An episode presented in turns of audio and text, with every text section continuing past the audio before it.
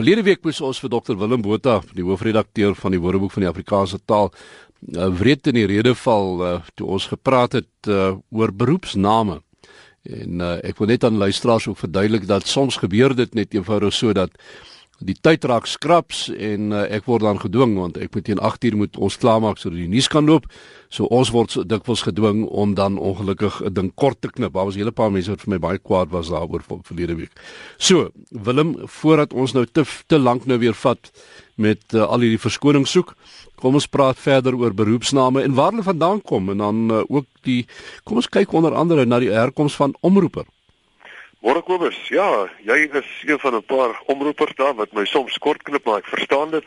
Ek is kwaad nie. uh omroeper uh, is iemand wat by 'n radiostasie programme aanbied, die nuus lees, kommentaar lewer, oor sportverslag doen ensovoorts. Maar oorspronklik in Afrikaans was 'n aankondiger 'n persoon wat openbare aankondigings doen. En so het jy in Europa ook dan nou keiserlike omroepers gehad wat belangrike aankondigings uh namens die keiser gedoen het. En ons het onlangs met die geboorte van prinses Charlotte het ons dit weer in aksie gesien. Daar was 'n man in 'n ryklik versierde uniform wat buite die hospitaal uh die geboorte van prinses Charlotte aangekondig het. Natuurlik sy was toe nog nie prinses Charlotte nie, sy was toe maar net die dogtertjie van William en Kate die prinses.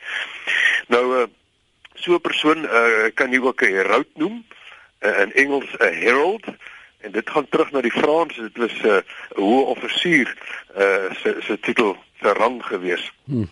Maar uh, vandag in Nederland uh, Kobus is omroeper nog lewendig uh, in die betekenis van iemand wat deur die stadsraad of dan nou die gemeentebestuur soos dit in Nederlands heet 'n gemeente in Nederland is 'n munisipaliteit of 'n of 'n stadsraad Hulle stel so 'n persoon aan om sake in die openbaar op straat aan te kondig. En ehm um, in 'n 2005 Nederlandse Woordeboek het ek gesien dat dit nog baie baie lewendig is en daar is byvoorbeeld die volgende voorbeeldsin. Die omroeper maak bekend dat daar vis op die mark is. Hmm. So ook dood eenvoudige dinge word aangekondig in die openbaar eh, deur 'n omroeper. Maar eh, 'n uh, baie mooi uh voorbeeld van die figuurlike toepassing uh, van die ou betekenis van 'n woord is voorligter vir my. Ons praat van 'n landbouvoorligter, 'n beroepsvoorligter uh en so voort. Maar as jy teruggaan in die Nederlands uh is die woord voorligter afgelei van die werkwoord voorligting. En 'n voorligter oorspronklik was iemand wat in die donker met 'n lantern vooruit geloop het. Hy het lig vir hy het voorgelig sodat die ander hom kan sien kan sien waar om om te loop. So hy het letterlik vir mense lig gemaak om te sien waar hulle kan loop. En dis my 'n baie mooi toepassing uh van die begrip toe 'n uh, uh, landbouvoorligter bring lig vir die mense. Hy bring vir hulle hm. kennis. Daar was ook lank 'n tydskrif voorligter. Ek dink sy naam is nou net lig wat lig op mense se pad verskaf. Dan meer vermaaklik uh, Kobus almal ken Hans Wors. Maar hoekom praat ons nou van Hans Wors? Wat het dit met Hans te doen of wat het dit met Wors te doen? Die nar of grapmaker in 'n sirkus. Nou dit gaan terug na Nederlands wat in die 18de eeu het hulle begin praat van Hans Wors. Maar dit gaan nou nog verder terug na twee eeue voorheen uh in die Duitse uh, toneel uh wêreld was al die komiese enige komiese figuur wat optree in 'n toneelstuk is Hans Woest genoem.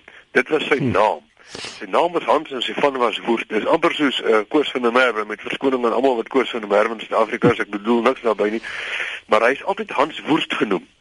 En uh toe die Hollanders sommer daarvan gemaak Hans Worst en ons het gemaak Hans Wors sonder dat ons nou ooit geweet het wie dit nou eintlik was.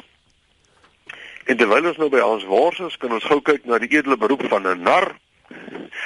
Nou uh ons nar kom maar weer eens uit Nederlands, uit Duits, maar dan gaan dit vermoedelik terug na die Latyn, na rire om te spot. En na rire gaan dit weer terug na naris, neusgat. En in die meervoud neusgate of naruis beteken dit eintlik neus in in Latyn. So miskien is dit waar die groot wit neus uh van die nar vandaan kom. Of rooi neus. Uh, mm. Ja, rooi, ja, omdat dit nou teruggaan na die Latyn neus. Dan kan ons vinnig kyk na 'n stikador. Nou 'n stikador is iemand 'n werker wat veral plafonne pleister. En dit gaan terug na die Nederlands, na die Italiaans, stucatore, na die Frans van die 16de eeu, stoek. En stoek is 'n uh, is gips of pleisterkalk.